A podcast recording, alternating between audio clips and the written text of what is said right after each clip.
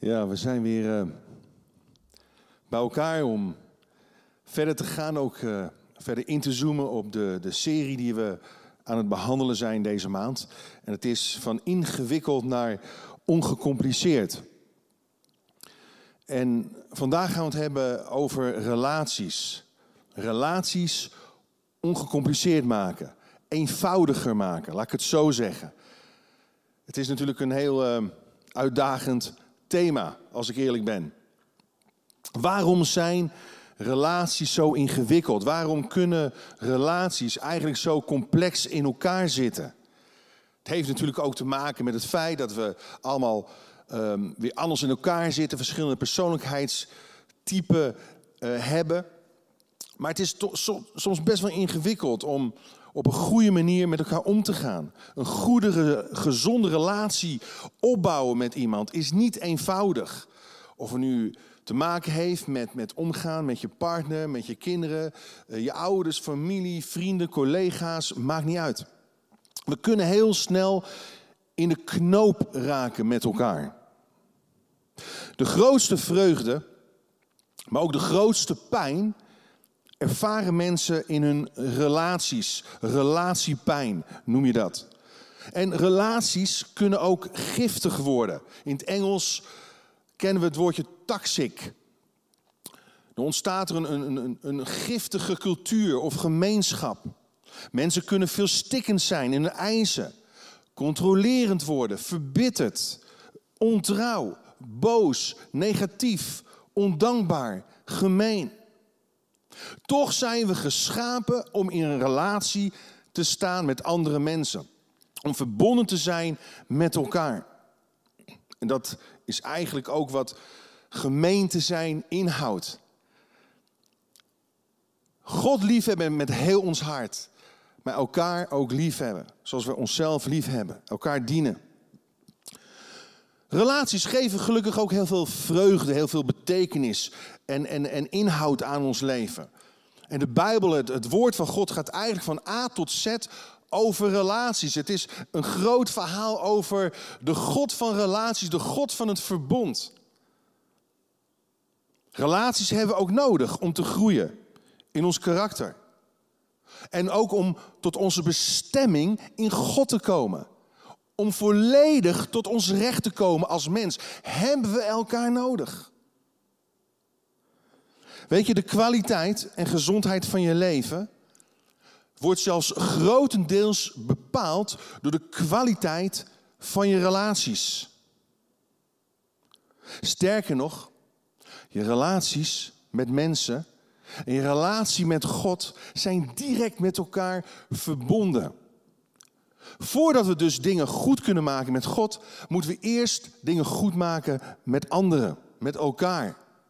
Want, zegt Johannes, beweert iemand dat hij God lief heeft, maar haat hij zijn naaste, dan is hij een leugenaar. Dan, dan loopt hij, dan wandelt hij niet in het licht van God, maar dan is hij nog steeds in de duisternis.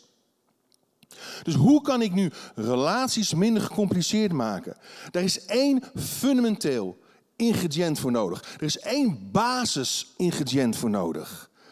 Eén woord. Eerbetoon. Eerbetoon. In 1 Petrus 2 vers 17 er staat, bewijs eer aan alle mensen. Heb uw broeders lief. Wees vol ontzag voor God en eer de keizer. Dat is nogal wat. Of eer de koning in ons geval. Maar wat is eer eigenlijk? Laten we eerst ons bezighouden met deze vraag. Wat is ere? Wat houdt het in om eer te bewijzen? Ere betekent vanuit het Hebreeuws waarde toevoegen. Het betekent gewicht geven aan iemand. Gewicht geven. En vanmorgen was ik zo aan het bidden voor deze dienst. Ik was mijn prediking nog aan het doornemen. En, en ik moest denken aan een weegschaal. Om, om te illustreren wat ik bedoel te zeggen. En ik dacht, waar, waar haal ik nu weer een weegschaal vandaan? ik liep mijn kantoor binnen vanmorgen en wat zag ik? Een weegschaal. Een vintage weegschaal. Ik denk, nou, dat is mooi. Het was alsof God tegen me zei, joh, hey, laat zien wat het is om elkaar gewicht te geven. Illustreer het. Weet je, eren is eigenlijk letterlijk gewicht in de schaal zetten. De heerlijkheid van God, de kabot van God, heeft alles te maken met zijn gewicht, met zijn majesteit. Met zijn wezen, de volheid van zijn wezen. En wij weerspiegelen zijn aard ook door elkaar gewicht te geven. Door dit te doen. En let op wat er gebeurt als je de ander gewicht geeft. Dan gebeurt er dit. Nog een keer. De ander geef je gewicht. De ander gaat omhoog. De ander til je op. Je draagt de ander. Je erkent de waarde van de ander. Dat is zo belangrijk. Weet je, het gaat om het belang iemand belangrijk te maken. Om aan mensen betekenis te geven. Je erkent de waarde van een bepaalde positie of functie. Luister goed, eren betekent niet dat je het eens hoeft te zijn met iemand. Het betekent dat je waarde toeschrijft aan iemand. Eerbetoon is niet afhankelijk van mijn mening over iemand, van mijn mening over zaak. Het is geworteld in de waarde die God onze scheppen aan mensen geeft, aan bepaalde instanties geeft. Eer het huwelijk is door het huwelijk is door God ingesteld. Eer de gezagsdragers van een overheid. Elk gezag komt van God, is door God ingesteld. Dus we erkennen het feit dat God aan bepaalde instanties, maar aan mensen überhaupt in het algemeen, waarde heeft gegeven. Onteren betekent eigenlijk het gewicht weghalen. Je haalt het weg. Het betekent minachting. We degraderen de ander. We waarderen een ander niet. En weet je, daar worden relaties niet eenvoudiger van. Dus, dus wat is ere? Luister goed. Ere begint, lees mee, met Gods standpunt. Niet met jouw mening over iets of iemand. Het gonst van de meningen in onze tijd. Op social media, op televisie, op de radio. Je hoort niet anders dan allerlei meningen over alles en nog wat. Mijn mening. Oh, ik heb heel wat mensen horen mopperen de afgelopen maanden over alle maatregelen rondom COVID-19, inclusief mezelf. Wat, wat ben ik een mopperkont soms? Mijn mening is dat bepaalde maatregelen tegenstrijdig zijn. Ik vind, ik vind eerlijk gezegd dat er zelfs met twee maten gewogen wordt, gemeten wordt in veel gevallen. En die mondkapjes, ja, eerlijk gezegd, mijn mening is, ik vind het overdreven. Vanmorgen zei iemand, ja, maar dat mondkapje, daar knap je wel van op. Toen hij me zag, nou, dankjewel. Dat is tenminste één voordeel. Wat, wat houdt ere nu in? Wat, wat, wat, probeer ik nu te zeggen? Nou, ik heb nu de keuze om er tegen in te gaan, om me te verzetten tegen de maatregelen. Maar ik heb ook de keuze om te accepteren dat de overheid een instrument, een middel van God is, met als doel orde te brengen in onze samenleving. Mijn mening is hier ondergeschikt aan. Ik geef waarde door te eren, te respecteren wat er uiteindelijk besloten wordt. Mijn mening is ondergeschikt. Paulus zei het als volgt, Romeinen 13 vers 1. Iedereen moet zich aan de overheid onderwerpen, want overheidsgezag is iets dat alleen maar bestaat bij de gratie van God. Ook het bestaande gezag is door God ingesteld.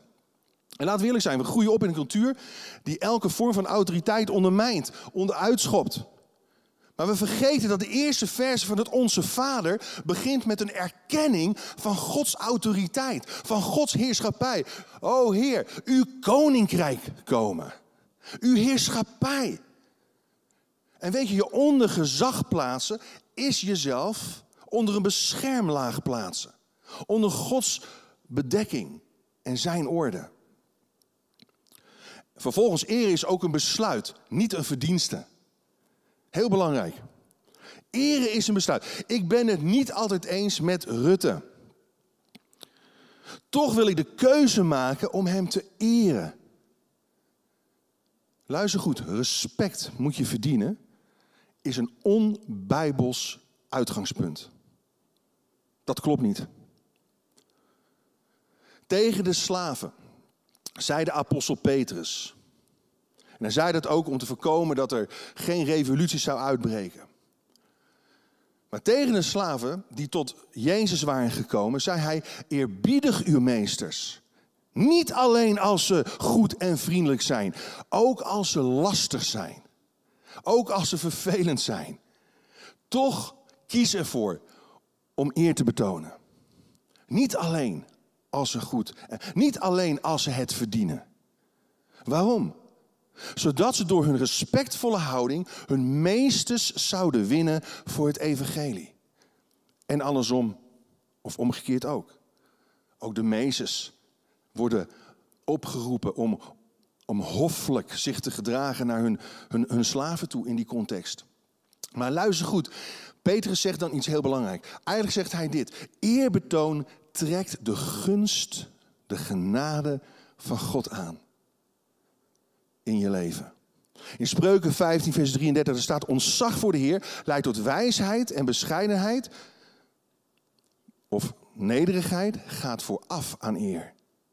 Respect is dus een keuze van een beproefd karakter om aan elk mens waarde toe te kennen. Het is eigenlijk een karaktertest. Je wordt getest op je nederigheid. Wie hoogmoedig is, zegt spreuken, komt ten val. Maar wie bescheiden of nederig is, wordt geëerd. Op waarde, juiste waarde geschat. Vervolgens, eer heeft ook impact op een belofte en beweging van God. Allereerst die belofte. Efeze 6, vers 2. Eer uw vader en moeder. Dat is het eerste gebod waaraan een belofte is verbonden. Die luidt, dan zal het u goed gaan en zult u lang leven op aarde. Dat, dat komt uit het Oude Testament. Maar ook in het Nieuwe Testament heeft dat zijn waarde. Weet je, je eert je ouders niet om wat mogelijk fout is gegaan in je opvoeding. Eren is hier waarderen dat ze je het leven hebben geschonken. Je erkent hun plaats, je erkent hun positie in je leven. Lees je mee, weet je, de, de, de grootste oorzaak dat veel mensen elkaar niet kunnen eren, ligt hierin. Familiariteit. Familiariteit. Op een dag ging Jezus met zijn leerlingen naar de stad waar zijn familie woonde. En, en, en ze begonnen, ik kan me zo voorstellen tegen hem toe, hé, hey, daar, is, daar is die timmerman hey, met een van, van mijn zusjes heeft, heeft die gast verkering gehad. Ach ja, ik, weet nog, ik, zat bij hem in de klas. Het was altijd al zo'n wijsneusje. Maar, maar waar heeft hij nu al deze wijsheid vandaan? Hoe komt hij toch aan al die, die wonderen die hij doet? Waar, waar, komt, waar haalt hij die kracht eigenlijk vandaan? En weet je, ze moesten, staat er letterlijk, niets van Jezus hebben. Terwijl hij overal rond was gegaan met, met, met grote wonderen en tekenen een geweldige impact had, waar hij in, ook kwam, in welk dorp hij ook kwam. En dan zegt er dit. Zegt Jezus dit, Marcus 6, vers 4. Een profeet is overal geëerd, behalve in zijn eigen stad. En bij zijn familie. En hij kon er geen enkel wonder doen, alleen maar een paar zieken genezen. Nou, ik zou al lang blij zijn als ik alleen maar een paar zieken zou kunnen genezen. Maar hij kon er geen enkel wonder doen. Weet je, familiariteit is een grote oorzaak van oneer. In, in kerken, in organisaties, in bedrijven. Vaak in vertrouwde situaties, in gezinnen tussen ouders en kinderen, op de werkvloer. Alles lijkt vanzelfsprekend. Het is gewoon geworden. En waar je dichtbij staat, waar je veel mee omgaat, dat wordt gewoon. Het bijzondere in de ander wordt niet meer gezien. Het waardevolle wordt niet gewaardeerd. Het is maar die en die. Het is maar de zoon van. Het is maar, eh, oh ja, met een van zijn zussen. Heb ik nog in de klas gezeten. Het is maar die en die. Ach, die jongen die, die altijd wat, wat, wat bezig was met, met dingen timmeren. Vul me in. Door hun gebrek aan respect of eerbetoon kon Jezus niet veel krachten verrichten. Met andere woorden, laat staan als ze hem hadden geëerd. Als ze hem de waarde hadden geschonken die hem toekomt. Als ze hadden erkend, deze, deze man heeft een bijzondere missie. Deze man heeft een bijzondere roeping, een zalving. Weet je, een beperking van Jezus' kracht, zijn impact, lag niet zozeer gelegen in hun ongeloof, wat vaak wordt gezegd. Nee, het zat gelegen in hun disrespect. Er was een, een toxic, een giftige cultuur, atmosfeer ontstaan. En dat belemmerde de kracht van God om door te breken. En doordat ze hem niet op waarde konden schatten, zagen ze niet verder dan die timmerman. Ze konden niet zien dat hij de zoon van God was. Hoe bewijs je eigenlijk eer? De volgende vraag. Hoe bewijs je dan eer? We hebben, we hebben nu gehoord wat eerbetoon, eerbewijzen is. Wat het inhoudt, maar hoe bewijs je eer? Romeinen 12, vers 10. Heb elkaar hartelijk lief met broederlijke liefde. Ga elkaar voor in eerbetoon. Zonder eerbetoon en wederzijds respect lopen relaties altijd vast. Het is als het ware de zwaartekracht die relaties bijeenhoudt. Het is de magneet die relaties bijeenhoudt. Paulus zei dat we elkaar onderdanig zijn uit wat? Uit eerbied voor Christus. Het gewicht van Jezus, het gewicht van Christus zou ons gedrag moeten inkleuren naar elkaar toe. Ga elkaar voor, zegt Paulus. hey, laat dus zien, ook door heel praktisch goede manieren, vriendelijke gebaren, door op te staan voor ouderen. In Leviticus was er zelfs een gebod om, om ouderen te respecteren, om hoffelijk met ze om te gaan. Om, om de autodeur open te doen voor je vrouw, dat doe ik dagelijks. Nee, nee schud al. Daar moet ik me dus nog in uh, ontwikkelen, ja. Maar goed, sommige mensen zijn hier gekomen.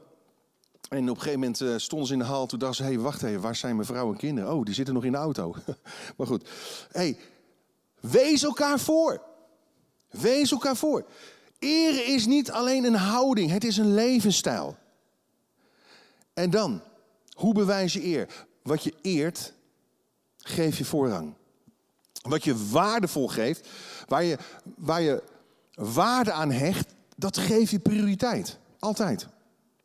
En we kunnen natuurlijk God eren op heel veel manieren. Maar een heel praktisch, concreet voorbeeld van hoe je kunt eren zien we ook in spreuken. Met onze financiën.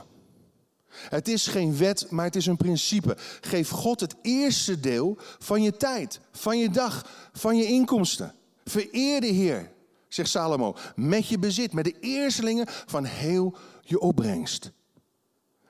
En dan, wat je eert, prijs je en zegen je. Eer aan de Heer, zegt David. Breng dank aan de Heer, Psalm 106. Want Hij is goed, eeuwig duurt zijn liefde. Wie kan zijn grootste daden verwoorden? Wie kan hem naar waarde prijzen? Weet je, in elke brief begint Paulus de gelovigen ook te prijzen, te eren. Voordat hij, hij met vermaningen komt, met aansporingen met misschien wel terechtwijzingen. Hij begint ze eerst te groeten. Hij begint ze te, te zegenen. De genade en vrede van God over ze uit te spreken. Begin je dag met dankbaarheid. Spreek dank en waardering uit naar je partner, je kinderen, je collega's, je leidinggevende, je leraars. Elke dag spreek ik mijn dochters toe. S'morgens vroeg, als ze nog liggen te slapen, ik moest ze wakker maken. Oh, mijn lieve meisjes. Mijn geweldige mooie prinsesjes. Ja, vroeger vonden ze dat nog leuk, maar nu zeggen ze: Pap, hou je mond, ik wil verder slapen. Want prinsesjes worden pubertjes. Maar goed, ik blijf het toch doen. Zo belangrijk. Weet je, een giftige cultuur wordt namelijk veroorzaakt door onze manier van praten. Met onze woorden eren of onteren we elkaar. De tong, zegt Jacobus, is een onberekenbaar kwaad, vol dodelijk vergif, toxic. De tong is een vuur, een wereld van ongerechtigheid. En ze besmet ons hele lichaam. Ze vervuilt ons hele bestaan. Roddel is toxic. Jacobus 3, vers 9. De tong gebruiken we om onze Heer en Vader te prijzen. En om de mensen die naar het beeld van God, opnieuw, naar het beeld van God geschapen zijn te vervloeken. Zegen en vervloeking komen uit één en dezelfde mond. En dat mag niet, dat kan niet zo zijn. Weet je, God vat, vat het heel erg persoonlijk op als we kwaad spreken over andere mensen. Waarom? Omdat elk mens naar zijn beeld geschapen is. Omdat elk mens om die reden waarde in zich draagt. Waardevol is. Laten we onze cultuur die bol staat van vooroordelen, van oordelen, van kritiek en van roddel omturnen, ombuigen. Besluit om met je woorden vandaag nog iemand te zegenen, om iemand te waarderen. Ook al gedraagt die persoon zich niet zoals ze misschien hoort. Ook al gedraagt die persoon zich misschien wel schofterig. En verdient die persoon het niet. Weet je, eren, luister goed, heeft niet met het gedrag van de ander te maken. Eren heeft met mijn houding, mijn gedrag te maken. Niet met de ander, hoe de ander is. Eren is niet afhankelijk van hoe iemand anders is, maar hoe ik ben en wie ik wil zijn. Als ik maar eervol blijf. Eren betekent niet dat we het kwaad ontkennen, maar dat we het op de juiste manier aanpakken. Daar wil ik ook zo mee eindigen. Weet je, we maken het onszelf heel erg moeilijk en ingewikkeld door onze pijnpunten over iemand met anderen te bespreken, in plaats van met de persoon zelf. Wees eerlijk als je iets dwars zit. Iemand heeft iets gezegd, iets gedaan wat je vervelend vindt. Je ergert je ergens aan. Je voelt je niet serieus genomen. Of misschien voel je je wel beledigd. Misschien doet iemand het ook onbewust. Maar wat ga je dan vaak doen? Wat doe ik vaak? Als je je ergens aan stort of je bent het ergens niet mee eens. Met wie ga je dan praten? Wees eerlijk. Meestal niet met de persoon in kwestie. Je betrekt anderen in je frustratie. Je betrekt anderen in je pijn. En je maakt ze zelfs daar deelgenoot van zodat jij bijval krijgt. Maar zo krijg je partijschappen. Zo krijg je verdeeldheid. Zo breek je de eenheid in een gemeenschap af. En dat is giftig. De sleutel tot eerbetoon in relaties is, lees mee, ga in moed en nederigheid. Het sleutelwoordje is ga. Lees je mee, Matthäus 18, vers 16.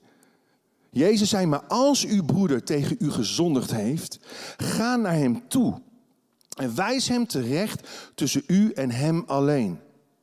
Als hij naar u luistert, hebt u uw broeder gewonnen. Dat vind ik zo mooi, want het gaan heeft als doel om te winnen, niet om iemand te verliezen. Luistert hij niet, haal er dan één of twee anderen bij Luistert hij ook niet, of zij natuurlijk naar hen, leg het dan voor aan de gemeenschap. En als hij ook dan niet luistert, behandel hem dan als een ongelovige en als een tollenaar. Jezus geeft ons heel kort een aantal ga-instructies om eervol om te gaan met, met, met, met zonde, met fouten of gebreken bij anderen. Allereerst ga. Dat is een actie, een keuze. Als je niet goed behandeld bent. Als iemand tegen je zondigt. Of als je ergens last van hebt. Van wat iemand heeft gedaan of gezegd. Zet jij dan de eerste stap en ga. Ga op de persoon af en onderneem actie. Als de relatie geschonden of beschadigd is. En door wie maakt niet uit. Maar jij weet het. Dan moet jij gaan. Ga niet zitten wachten tot je een belletje krijgt. Maar ga om het recht te zetten. Ga met het oog op winst, met het oog op verzoening, met het oog op herstel. Ga alleen. Ga alleen. Hier gaan wij vaak de fout in. Dit principe. Jezus zegt, dit is de Bijbelse weg, lieve mensen. Jezus zegt, spreek onder vier ogen. Goed, toen, was er nog geen, um, waren er nog geen digitale middelen. Maar ik denk juist in dit digitaal tijdperk dat dit zo een belangrijk, fundamenteel principe is. Onder vier ogen. Ga niet mailen. Ga niet zitten appen eindeloos, want dan is er geen direct contact. Er is er niet een direct hoor en wederhoor. Je ziet geen gezicht, je voelt geen emotie. Je interpreteert. En vaak interpreteer je het verkeerd. Ga geen meeting met anderen beleggen. Geen onder onsje met je vriendjes, met je papa of met je mama, voordat je met die persoon zelf gesproken hebt. Ga alleen en direct praten met degene die jou benaderd heeft. En ja, hier is soms moed voor nodig. Maar dat is wel eervol. Wat we vaak doen, is eerst met Jan en allemaal man praten. Hoe erg het is wat hij of zij gezegd heeft. Hoe vreselijk slecht die persoon toch is. En die ander die heeft vaak ook de context niet voor ogen. En misschien kleur jij het ook verkeerd in. Misschien heb jij ook een vooroordeel. Of misschien heb je een verkeerd beeld van die persoon gekregen. Of er nu terecht is of onterecht. Dat, dat doet er niet toe. En weet je, heel vaak praten we dan veel later met die persoon in kwestie. Terwijl eigenlijk het kwaad al geschied is. Er is al een soort sneeuwbaleffect, een lawine-effect ontstaan. Weet je wat eervol en respectvol is? Als je naar iemand toe gaat en je zegt: Hé, hey, jij bent de eerste die het van mijzelf hoort. Ik heb hier met niemand anders over gesproken, maar dit is hoe ik mij voel en dit is wat ik denk over wat jij gedaan hebt. En ik wil daar eerlijk over zijn, ik wil dat met je bespreken. Dus dan vervolgens, ga om de relatie te herstellen. Niet om de persoon af te breken. Jezus zegt, als hij naar je luistert, heb je hem gewonnen. Weet je, als je gaat alleen maar om je gram te halen, om je gelijk te halen, om je recht te halen of om de persoon met gelijke munt terug te betalen, dan ga je op de stoel van God zitten. En dan moet je heel snel vanaf gaan stappen. En wat er gebeurt, is dat de ander macht over jou blijft houden. Nee, je gaat voor verzoening, zodat je loskomt van die ander. En als het je niet alleen lukt, neem dan een vertrouwde persoon mee. Maar onderzoek altijd eerst de balk of de splinters in je eigen ogen voordat je die bij de ander weg wil peuteren. En dan laat los. Dan laat los. Laat gaan. Als de ander niet verder met je wil gaan. Als die ander zich niet met jou wil verzoenen. Als die ander niet mee wil werken aan, aan, aan herstel, aan, aan vertrouwen. Laat dan los en ga verder. Als je namelijk in een sfeer van verwijten blijft zitten, van beschuldigingen, in plaats van verzoening, dan kom je nergens. Dan blijf je in cirkeltjes draaien. In een negatieve, neerwaartse spiraal. Weet je, als jij je best hebt gedaan, eervol met het conflict bent omgegaan, dan sta je rein en vrij voor God. Paulus zei het heel mooi, hij, zei, hij verwoordde het zo: stel voor zover het in uw macht ligt, alles in het werk om met alle mensen in vrede, in harmonie te leven. Zover het in jouw macht ligt, in jouw vermogen. Binnen de capaciteiten die jij hebt en de mogelijkheden die jij hebt aangeboord. Maar lukt het niet? Laat het dan los. Willen anderen niet met jou verder? Laat los en ga verder met je leven. Pak de draad op en ga verder. Zullen onze hoofden buigen, onze ogen sluiten. Het is misschien moeilijk, Heer, om, om mensen te eren. Als we onszelf misschien niet eens kunnen waarderen. Misschien schaam je je voor jezelf, voor wat je gedaan hebt. Je leeft in schuld, misschien in zelfhaat. Of je projecteert bepaalde negatieve ervaringen op, op, op andere personen. Op nieuwe gezagsfiguren. Identificatiefiguren. En je kunt die ander niet waarderen. Je kunt die ander niet liefhebben. Maar weet je hoe Jezus waarde toevoegt aan jouw leven? Door jou met zijn eer te bekleden. Door jou met zijn gerechtigheid te bekleden. Dat heeft hij gedaan aan het kruis toen hij voor jou stierf. En ook tegen jou zei: Ik vergeef je, ook al weet je niet wat je doet. Hij wil jou bekleden met zijn gunst, met zijn genade. En hij roept je om hem te eren. En van daaruit alle mensen met respect te behandelen. Het is een keuze. Het is een levensstijl. Maar God roept ons op allemaal. Om vanuit dat ingrediënt van eerbetoon onze relaties te ontwikkelen. Te gaan bouwen. Te gaan bouwen aan, aan gezonde relaties. Geen zieke, verstikkende, giftige relaties. Maar gezonde relaties. Dat bepaalt de kwaliteit van ons leven. Dat bepaalt de kwaliteit van onze gemeente. En als jij dat wil, dan wil ik voor je bidden op dit moment. Ik heb het nodig. Ik geloof dat jij het nodig hebt. En ik wil je zegenen. Als je zegt, je kunt ook via de chat. Kun je aangeven, ik wil gebed. Of ik wil Jezus kennen. Of ik wil Hem gaan eren. Met alles wat ik heb. Ik wil Hem gaan eren. Met hoe ik omga met mijn, mijn vrouw, mijn, mijn man, mijn kinderen, mijn gemeente. Mijn collega's, mijn vrienden.